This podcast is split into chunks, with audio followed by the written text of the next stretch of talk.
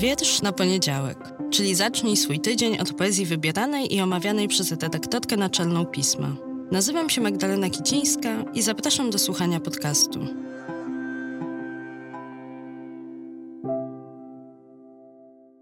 Cześć, witajcie, dzień dobry. Witajcie już w końcówce kwietnia. Jakoś tak nagle ona przyszła, przynajmniej dla mnie ale chyba już naprawdę, naprawdę, naprawdę zaczęła się wiosna i się już nie wycofa. Bądźmy takiej dobrej myśli.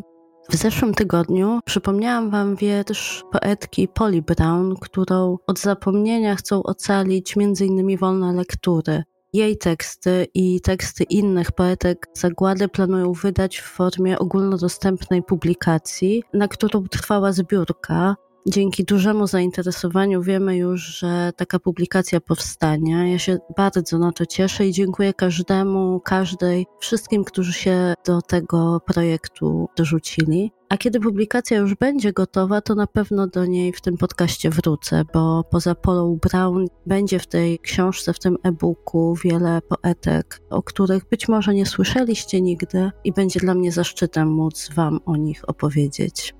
A z czym przychodzę do Was dzisiaj?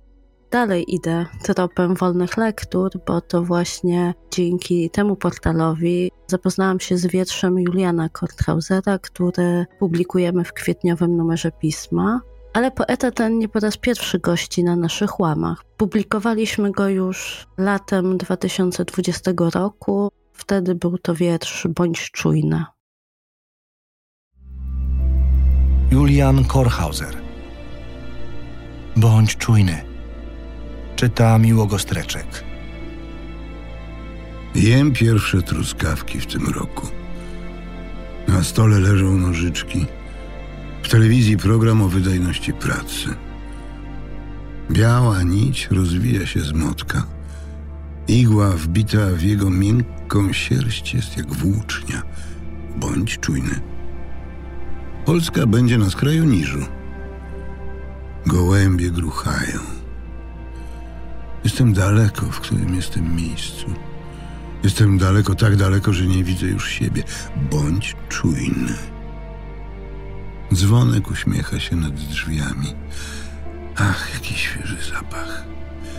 Suszarka do włosów wypija sok z koca. Za oknem rozmowa dwóch mężczyzn. Gdybym znalazł właściwą drogę, gdybym mógł mówić: bądź czujny. Jestem czujny. Jestem czujny. Posypuję truskawki cukrem. Światło odbija się od ścian. A tym razem sięgnęłam po zupełnie inną stronę jego twórczości, nic się nie kończy to wiersz szczególny i ze szczególnego tomu, który autor dedykował swojej córce.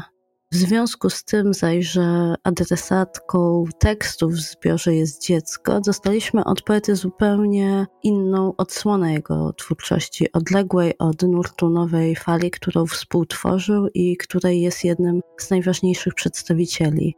Inna, ale przez to zaskoczenie chyba właśnie ogromnie ciekawa jest ta odsłona. Czytając teksty z tego tomu, miałam wrażenie, jakbym nieomal przyłapała poetę w jego odsłonięciu się, jakbym tak trochę nielegalnie wręcz wtargnęła w jego prywatność i podglądała. Jestem ciekawa, czy też takie odniesiecie wrażenie i jak przyjmiecie ten wiersz, z którym Was dzisiaj zostawię, życząc dobrego dnia, dobrej końcówki kwietnia, no i niekończącego się nieba. Trzymajcie się ciepło. Julian Kornhauser. Nic się nie kończy. Czyta Leszek Zduń. Nie, nic się nie kończy. Nie kończy się niebo. Nie kończy się ziemia. Nie kończą się drogi, lasy i morza.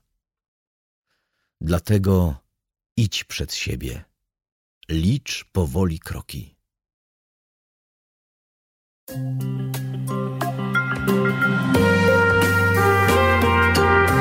Pismo. Magazyn opinii.